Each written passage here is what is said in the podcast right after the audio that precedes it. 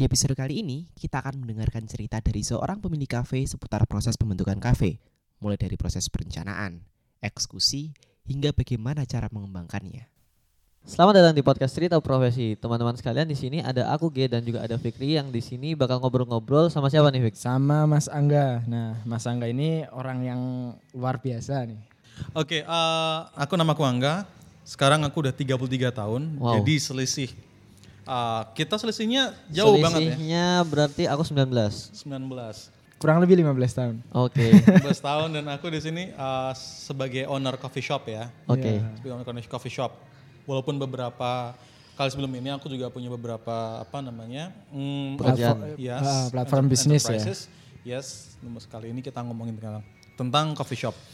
Oke, kalian tahu gak sih waktu aku umur 19 tahun, Hmm. kerjaanku cuman main, Oke. keliling Jogja, Oke. naik motor, Oke. main, main dan main gitu Oke. kan. Dijelasin Nggak- dong mainnya itu gimana itu? Mainnya random yang penting main aja gitu, have fun, fun, fun, fun, fun and fun. Oke. Iya. Nggak ada yang bikin begini-begini, bikin kreatif yang apalah gitu kan. Kayak anak-anak sekarang ini kayak kalian nih luar biasa sekali. Kalian yang luar biasa, bukan aku yang luar biasa. Nah, ini kayak gini kayak gini kan sebenarnya juga tuntunan zaman gak sih? Iya, tuntutan Zaman zaman. makin berubah, teknologi makin maju. Mhm. Jadi kayaknya buat seseorang menemukan passionnya tuh makin cepat gitu mas. Hmm, betul sekali. Sama kayak aku lihat beberapa akhir-akhir ini tuh banyak anak-anak muda ya, anak SMP yang udah mulai jadi videografer dan editannya luar biasa bagus-bagus. Di mana aku baru mulai waktu itu sekitar usia eh, dua tiga dua empat berjalan tujuh tahun dan tujuh tahun itu cuman butuh waktu untuk anak sekarang nih beberapa bulan aja Iya, buat benar seperti banget. itu. Karena emang eh, informasinya sekarang makin eh, cepat buat dijangkau ya. Tapi ngomong-ngomong soal industri kreatif tadi, Mhm. hal yang mungkin lebih semerbak lagi itu juga ada namanya industri kopi. Iya. Di mana zaman sekarang tuh semua anak muda tuh nongkrongnya tuh kalau dulu mungkin di kafe itu mungkin kafe-kafe mahal, McD atau di KFC gitu ya. Tapi sekarang tuh udah di kafe-kafe tuh sangat menjamur gitu mas. Ya bahkan kita ini rekamannya di kafe. Nah, kita rekamannya di kafe. Mungkin kalau misalnya anak-anak muda itu ya umur-umur 18 sampai 25 tahun ya, Mhm. mungkin itu ke kafe buat kerjaan atau ketemu teman mungkin satu hari atau satu minggu bisa sampai lima kali atau enam kali bahkan lebih lama dari waktunya di rumah mungkin wow Iya, aku tiap hari di kafe. iya Mas kan tiap hari karena Iya. Mas emang karena yang kafe. punya. ya? Ini ini mungkin langsung masuk ke bahasan pertama aja kali ya. Oke. Eh, eh, tadi kan kata Mas Angga ada beberapa platform bisnis lain gitu. Hmm, Nah terus eh, kenapa kok akhirnya sekarang kayak mem- memutuskan buat mungkin nggak berhenti ya di Hmm. platform lain tapi kayak bidang kafe ini diseriusin apa nih alasannya kayak gitu?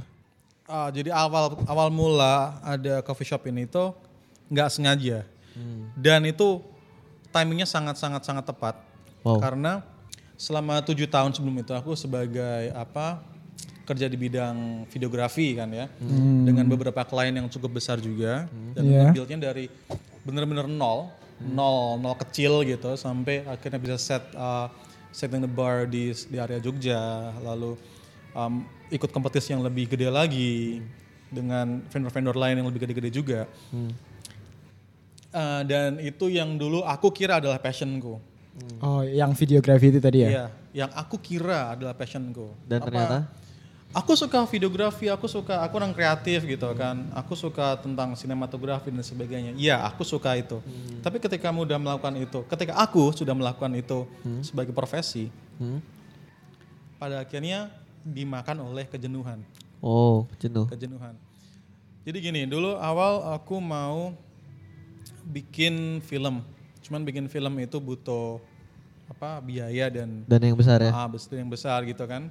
Lalu oke lah kita masuk ke wedding, wedding videography. Hmm. Setelah itu naik dari yang mulainya cuman sangat murah sekali, hampir kayak nggak dibayar sama sekali.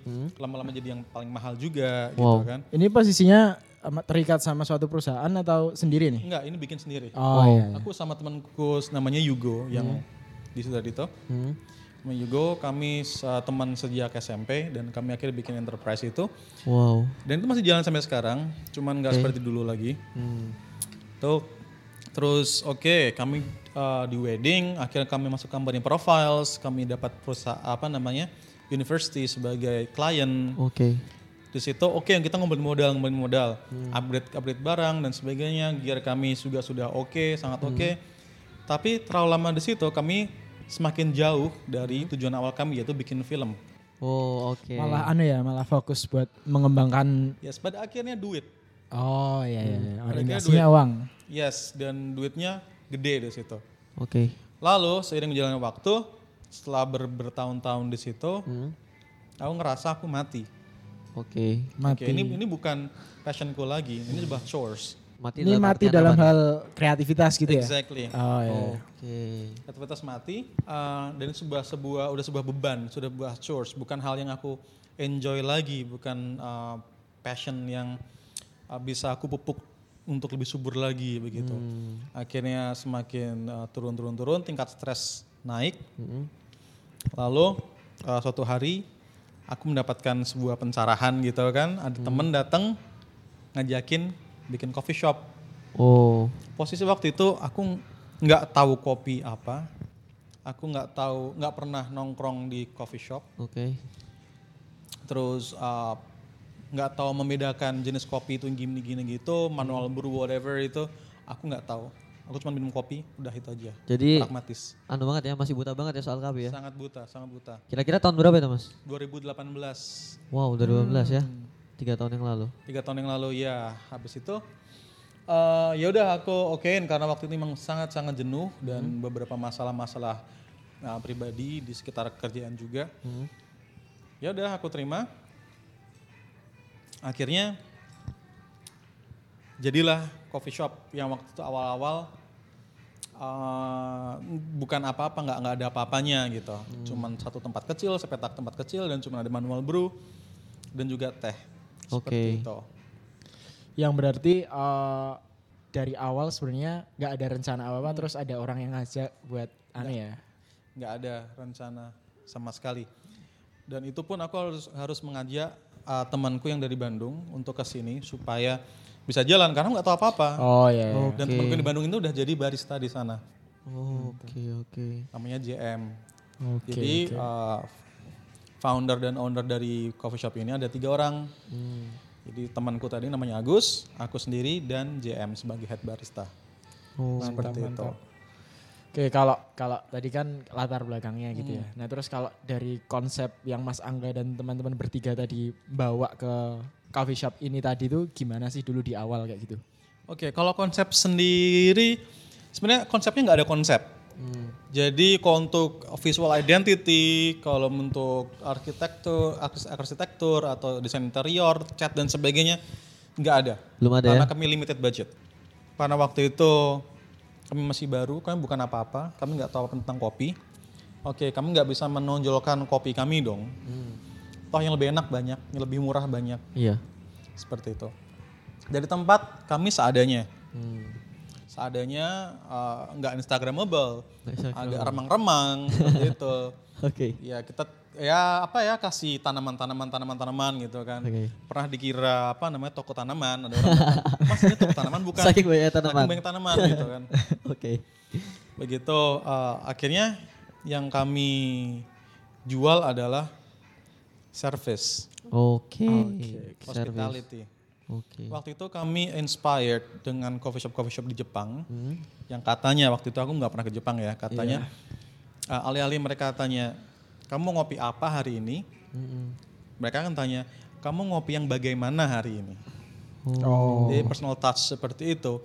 Lalu barista akan memilihkan merekomendasikan buat kamu. Jadi kamu nggak lama-lama di depan uh, bar uh, memilih Menunya. menu dan sebagainya gitu. Lalu ada komunikasi di situ. Lalu juga karena dulu kan aku aku tadi bilang kan aku jarang nongkrong di kafe karena aku nongkrongnya di bar Oke. di bar uh, dan bartender itu communication skill mereka sangat luar biasa. Iya. Setuju.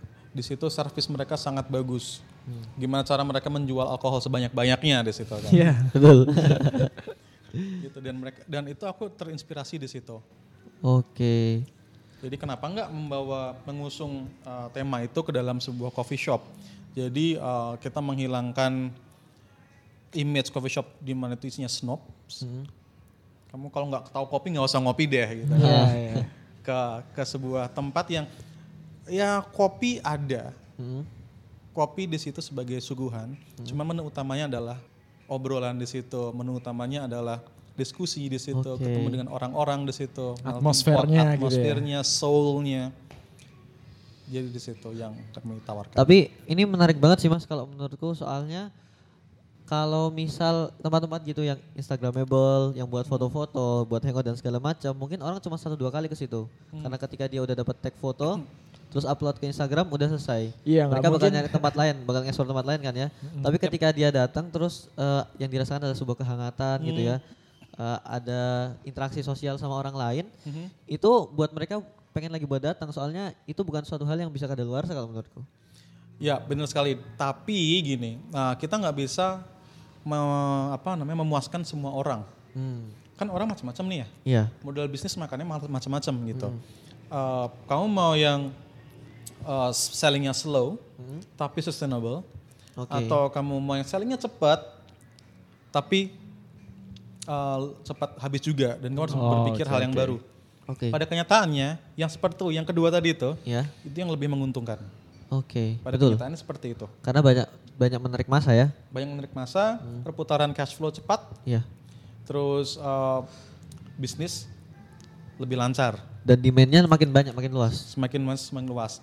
Nanti betul. ketika udah mulai turun, kamu harus bisa membaca itu, eh, kamu harus mencari inovasi yang baru.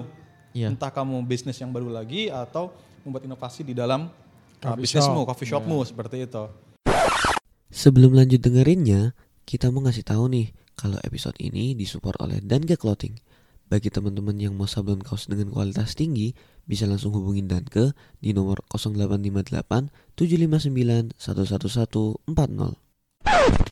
Selanjutnya ya, ini kan kita lagi ada di coffee shop namanya Mudita nih. Iya. Coffee shopnya Mas Angga. Nah itu bisa jelasin nggak sih kenapa kok namanya Mudita ya? Itu artinya apa emang? Terus sa- tadi aku lihat logonya juga aksara Jawa gitu ya. Iya. Nah itu Oke. kenapa kenapa kayak gitu itu brandingnya gitu? Oke, um, sebenarnya nama Mudita sendiri itu itu terinspirasi dari nggak ada sih sebenarnya. Oke oke. Kami waktu itu nggak tahu mau ngasih mau ngasih nama apa. Heeh. Kalau kita punya pool uh, nama seperti itu, Oke. kami gathering dari Google. Jadi kami uh, cari googling nama-nama yang aneh-aneh atau apa udah ada copyrightnya belum dan sebagainya.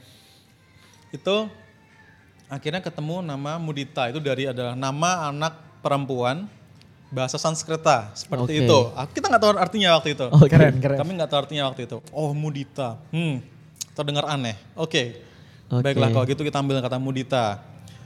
Tapi waktu itu kita nggak tahu artinya apa, Oke. sama sekali. Jadi pada suatu hari sebelum Mudita ini ada, tapi nama udah ada nih. Kita uh, bikin logo, logonya apa sih? Ya udah disuruhlah kita bikin pakai aksara Jawa. Hmm. Di mana yang bisa aksara Jawa cuman aku waktu itu di situ. Oke. Oke lah kita bikin Mudita pakai aksara Jawa. Lalu uh, si JM dia menggambar manual, terus aku bikin vektornya, aku rapiin, terus dengan logo terinspirasi dengan dari uh, restoran Chinese food Oh iya oke oke. seperti itu, Nah, oriental seperti itu, cuma lebih bulat. Terus ada logonya itu, terus kalau kamu lihat di situ huruf ta Hmm. itu dibalik di mirror, cuman untuk estetika aja gitu. Oke. Dan pada akhirnya logo ini nggak nggak banyak jadi branding sebenarnya. Hmm. Kayak cuman buat logo doang, Cuma logo doang. logo doang. Oke. Akhirnya branding kami selama ini ya akhirnya kucing. Oke, kucing.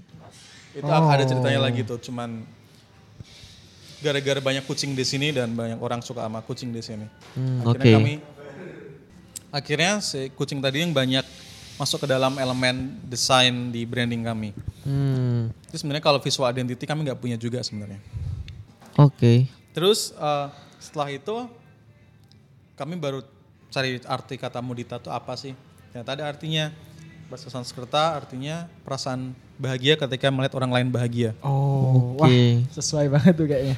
Sama Seperti tadi itu. yang katanya mau menjual servis kan. Iya, servis pada akhirnya em, ketika menjual servis kita nggak nggak kita nggak pada akhirnya nggak melulu tentang duit sih kita gitu nggak melulu tentang uh, cari duit sebanyak banyaknya. Oke. Ini pada akhirnya lebih ke mencari ketenangan batin. Hmm. Seperti itu. Keren sih, keren sih. Tapi emang anu sih, kalau misalnya dari namanya Mudita itu kan agak nyen- nyentrik gitu ya. Jadi kayak penasaran nih, apa sih dalamnya kayak gimana gitu. Hmm. Dan itu ternyata salah satu pilar dalam Buddhism. Hmm. oh, Buddhism uh, kalian bisa googling sendiri tentang kata mudita. Dan ternyata banyak dipakai untuk misalnya kayak yoga, tempat yoga, makan vegetarian dan yang berhubungan dengan seperti itu. Oke. Kalau ngomongin tadi soal eh, model bisnis coffee shop ada yang eh menawarkan tempat gitu ya, Mas. Dan itu mungkin bisa lebih sustainable karena eh, setiap nanti tempatnya udah basi, ganti lagi, ganti lagi, lebih berevolusi gitu. Nah, sedangkan kalau kayak yang kayak Mudita ini nggak menawarkan tempat, tapi lebih menawarkan servis dan segala macamnya. Itu eh, gimana caranya biar bisa survive gitu? Biar bisa survive, um, untuk apa pun yang kamu lakukan bisa bisa survive adalah love your job, man. Oke. Love your job. Sebelum ini, waktu aku jadi masuk di production house, Hmm. ya. aku suka pekerjaanku di awal. Hmm. Lama-lama jadi chores. Pada akhirnya jenuh. Hmm. Menemukan passionmu di dalam pekerjaanmu, bukan meng- melakukan pekerjaan sesuai dengan passionmu ya. Oke. Ini counterintuitive memang. Hmm. Itu kan lebih sustainable di situ. Ketika kamu merasa kamu memiliki itu, kamu suka di situ, maka akan selalu ada, selalu ada lagi apa namanya uh, motivasi untuk datang, motivasi buat uh, memelihara tempat itu, terus memelihara hubungan dengan customer juga. Oke. Dan pada akhirnya customer-customer yang datang ke sini adalah customer yang uh, hampir tiap hari datang ke sini dan sudah menjadi keluarga sendiri bagi, bagi kami gitu. Kami udah nggak melihat mereka sebagai customer lagi, tapi sebagai keluarga Oke. seperti itu. Lalu barulah aku menemukan passionku sebenarnya apa.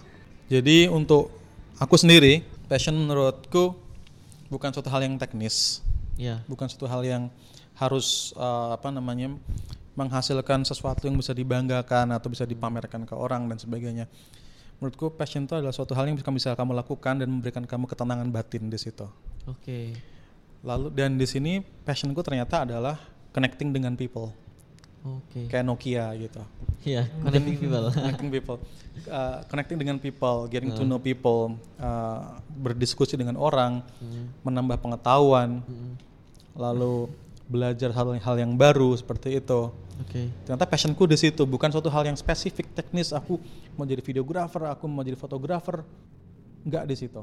Oke. Ketika aku ternyata ketika aku suka merasa aku uh, passion fotografi misalnya, Ya. ternyata underlining itu bukan fotografi itu sendiri yang jadi passionku Cum- cuman bagaimana aku bisa connect dengan objekku aku bisa connect dengan sekitarku melalui fotografi itu Oke. Oke oke. Menarik banget sih Mas. Itu berarti maksudnya eh passionnya itu bukan teknisnya like sedang mengerjakan apa, tapi apa yang sedang dirasakan ya berarti ya. betul apa yang bisa dirasa- dirasakan jadi Oke, eh, kalau kalau tadi kan udah dari passion gitu ya. Hmm. Tapi kan meskipun eh, meskipun mungkin melakukannya dengan bahagia, dengan Hmm. senang dan passion gitu, kan tetap eh, kalau menurut saya nanti mungkin tetap bakal ada halangan, hambatan gitu kan. Hmm. Pasti ada kayak Hmm.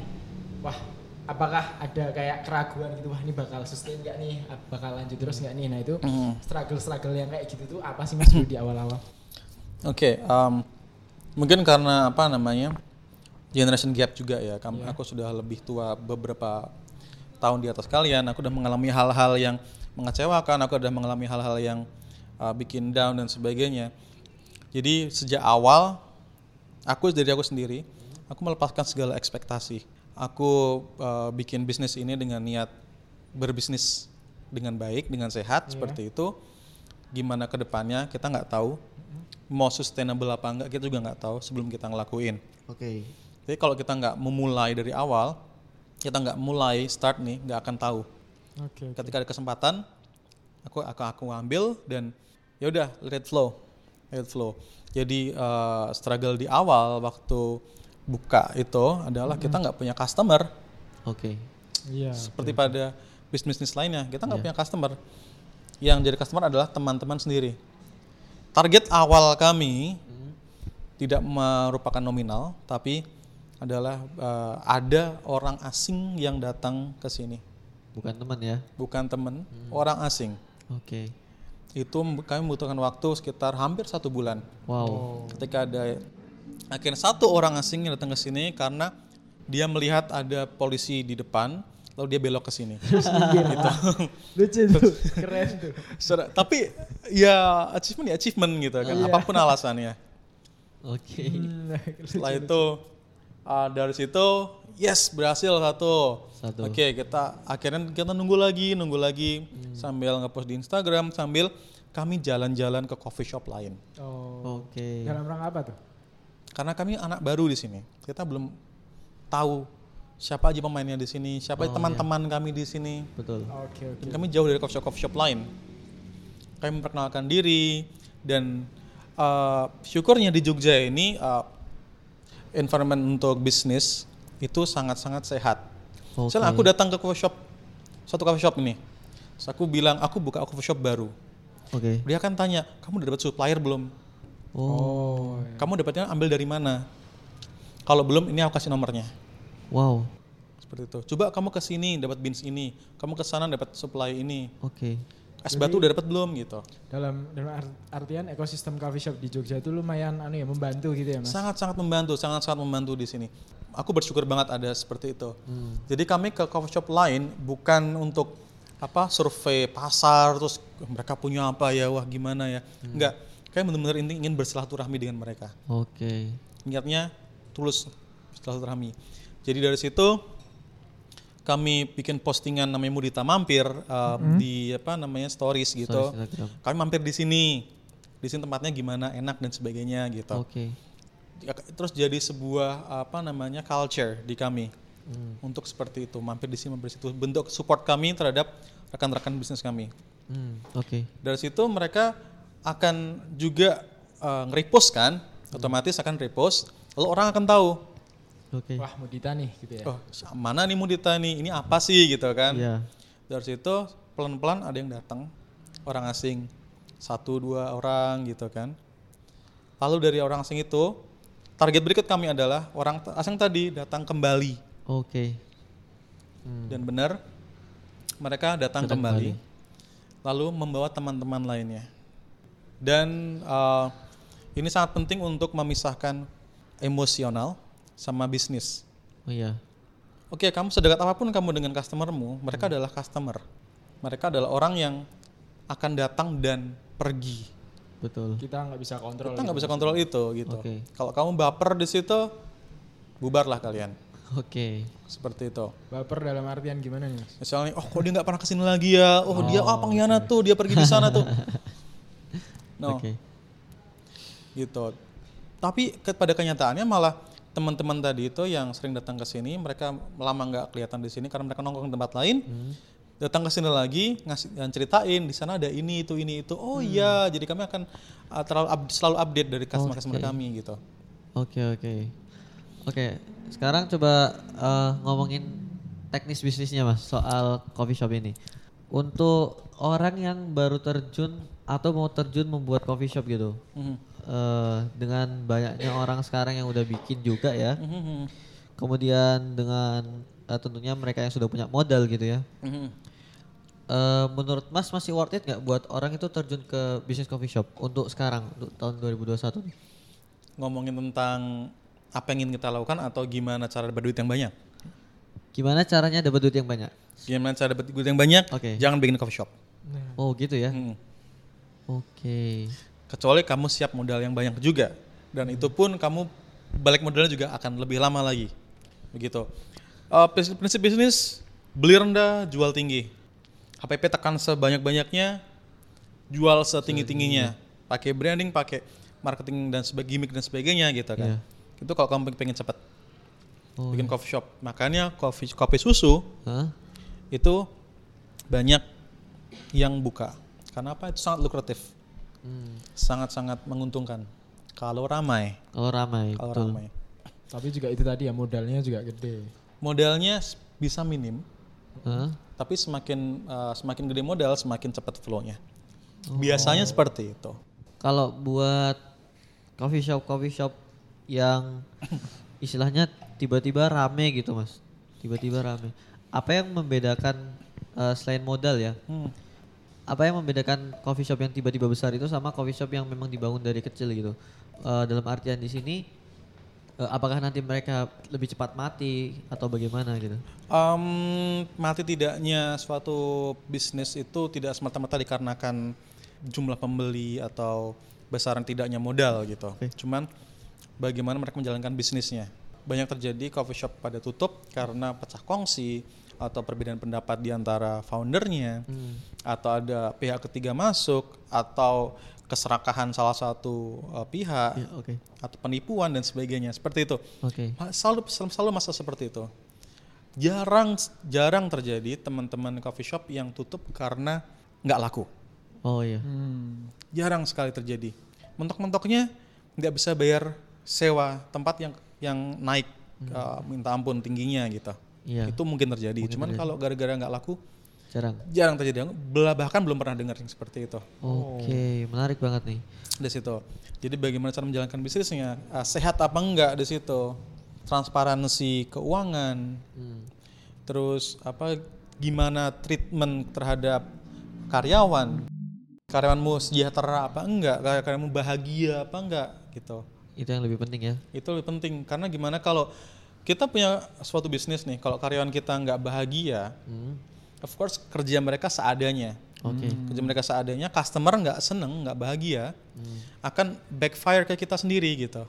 Bener bener. Betul betul. Terus eh, Mungkin ini sih. eh, tadi kan udah struggle yang di awal gitu ya. Hmm. Nah terus ini bukan yang di akhir-akhir ini tapi kayak yang eh, yang secara musiman datang gitu kayak misalnya tantangan eh, yang mungkin yang se- seiring berjalannya waktu wah ada muncul masalah apa nih masalah apa nih itu Oke. kira-kira yang masalah kayak gitu apaan mas?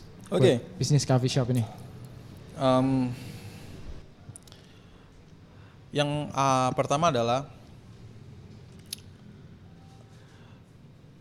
maintenance. Kalau kita ah, maintenance itu, kalau kita nggak ah, set aside duit untuk maintenance, kita ambil semuanya, ya udah sehabisnya bangunan, sehabisnya alat, kita nggak bisa memperbarui lagi, kita nggak bisa memperbaiki lagi. Oke. Maintenance pertama itu penting dan itu bisa diatasi. Terus eh, biaya harian, Ya harian. biaya operasional harian yang semakin besar. Oh iya. Se- Semakin besar coffee shopmu, semakin besar biaya harianmu. Seperti itu. Eh, kalau kamu tidak apa memenuhi kewajibanmu di situ dulu di awal, kamu akan keteteran di akhir ng- ngos-ngosan di situ. Lalu eh, flow musiman di Jogja sebelum pandemi ya, Ya. di Jogja itu setiap akhir tahun Desember sampai Februari itu musim paceklik Oke. yaitu sepi sales turun drastis karena apa mahasiswa pulang Mahasiswa pulang. Oh Oke. benar benar. mahasiswa pulang di Jogja ini hidupnya dari mahasiswa Oke. Di situ ketika kamu bikin bisnis di Jogja kalau kecuali kamu punya duit yang banyak hindari bulan-bulan Desember sampai Februari Oke, oke. seperti itu tapi kalau sekarang masa pandemi tidak berlaku lagi karena Semuanya ya sama aja gitu semuanya kan pulang. semuanya pulang gitu Oke, oke. kalau mas bulan puasa dan lebaran nggak begitu Berpengaruh. berpengaruh gitu yang jelas akhir tahun akhir tahun selalu dari grafiknya akhir tahun selalu, Selalu turun, turun. Oke. selalu turun harus diantisipasi di sebelum sebelumnya jauh hari itu musiman Ah, karena ini region region lock ya hanya mungkin khusus di Jogja aja di tempat lain mungkin nggak kayak gitu Oke. Terus em, apa lagi ya? Sebenarnya itu itu aja sih. Kalau misalnya untuk kompetisi dan sebagainya, semua ada pasarnya Semua ada masing-masing. pasarnya masing-masing. Eh, di Jogja dengan 2000 lebih hampir 3000 coffee shop di Jogja itu masih Wow. kurang. Oke, masih kurang ya? Masih kurang mengakomodasi Kalau mas tadi kebutuhan 2000 3000 Hmm, hampir 3000. banyak juga ya. Sangat banyak. Oke, karena emang sangat banyak dan aku juga tahu teman-temanku yang emang suka nongkrong dan suka ngopi akhirnya dia buka tempat tongkrongan sendiri gitu ya mas. Mhm. Eh, menurut mas apakah itu eh, bentuk sebuah tindakannya realistis ketika dia buka eh, coffee shop sendiri atau hanya karena dia seneng nongkrong terus dia pengen teman-temannya nongkrong di situ? Kalau soal eh, dari segi bisnis, apakah itu akhirnya bisa menguntungkan atau enggak? Kembali lagi pada tujuan awal kamu bikin. Kamu bikin bisnis, misalnya coffee shop nih, supaya kamu bisa ada tempat nongkrong sendiri. Ketika tujuanmu itu ya sah-sah aja nggak masalah. Oke. Seperti itu. Kalau misalnya kamu gini lah, semua realistis kecuali ketika itu tidak uh, harus harus dipaksakan dan itu tidak sesuai dengan kemampuanmu. Misalnya nih, Oke, oke. kamu bikin bikin coffee shop Hmm. dengan modal 50 juta misalnya, Oke. tapi kamu nggak punya duit segitu. Orang tuamu juga nggak bisa memodal segitu. Oke. Terus kamu uh, se- apa namanya pinjam di bank 50 juta. Untuk beberapa bisnis itu masuk akal. Oke. Cuma untuk bisnis yang kamu sih pertama kali buka itu menurutku tidak realistis di situ. Tapi ketika kamu punya duit, ketika kamu ada kemauan, sah-sah aja nggak ada masalah sebenarnya. Ketika kalian mau bikin bisnis coffee shop, siapa tahu eh, dari bisnis coffee shop itu bisa jadi suatu hal yang lain. Misalnya kayak di Mudita ini, Heeh. dari tempat coffee shop ini jadi apa namanya uh, meeting point untuk teman-teman customer kami menjalankan bisnis. Oke. Ada yang uh, berkantor di sini juga pada Oke. akhirnya walaupun kan bukan co-working space juga. Oke. Terus ada uh, customer yang beda circle dan mereka interestnya sama. Kami temukan di sini, kami kenalkan mereka, akhirnya mereka kolaborasi. Oke. Dan akhirnya mereka uh, kalau misalnya ada rapat atau apa, mereka ke sini.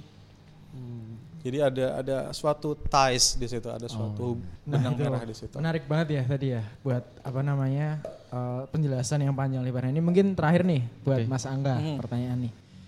Tadi yang kayak dibilang si G ya, banyak banget teman-teman di Jogja tuh yang atau mungkin di luar Jogja nih pada mau buka coffee shop.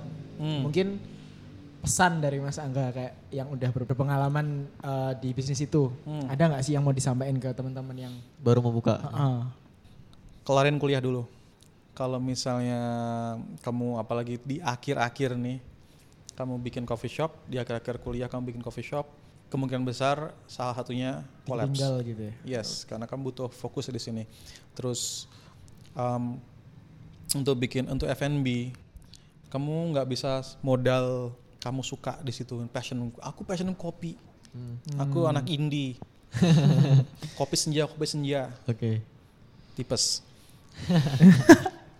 Uh, tapi gimana? Uh, kalian harus juga belajar bisnis, bagaimana bisnis itu berjalan, bagaimana meng- mengelola cash flow, bagaimana mengelola uh, sumber daya manusia, mengelola stok dan sebagainya, memisahkan antara uang pribadi dengan uang uh, perusahaan, lalu menyisihkan uang untuk modal Oke. bulanan seperti itu, modal lancar dan sebagainya, mana aset, mana liabilitas, terus menghitung HPP, menghitung biaya ongkos macam-macam. Hal itu yang sebenarnya lebih penting. Oke. Oke, oke. Oke, mempelajari lebih lanjut tentang minumanmu atau tentang uh, produkmu itu itu penting. Penting. Oke. Cuman lebih penting adalah bagaimana mengatur kalau mengelola keuangan, Oke. mengelola keuangan, bagaimana cara marketing dan sebagainya. Kalau kamu nggak bisa sendirian, cari partner. Oke. Seperti Oke, itu. oh mantap banget nih tadi obrolan kita ya. Nah tapi kita diskusi sama Mas Angga belum selesai sampai di sini nih. Jadi Oke. mungkin buat teman-teman yang masih mau masih penasaran sama kayak kenapa sih kok Mas Angga milih buat jadi entrepreneur gitu. Mhm. Ya bisa didengerin di episode selanjutnya kayak gitu. Oke, mungkin Jadi aku akan muncul lagi nih. iya. tentunya bakal muncul lagi dengan bahas topik yang agak sedikit Lebih berbeda. personal gitu. Oh oke, Oke, baiklah. ya, mungkin terima kasih buat teman-teman yang sudah mendengarkan ya. Sampai jumpa di episode selanjutnya. Ya, see you. See ya.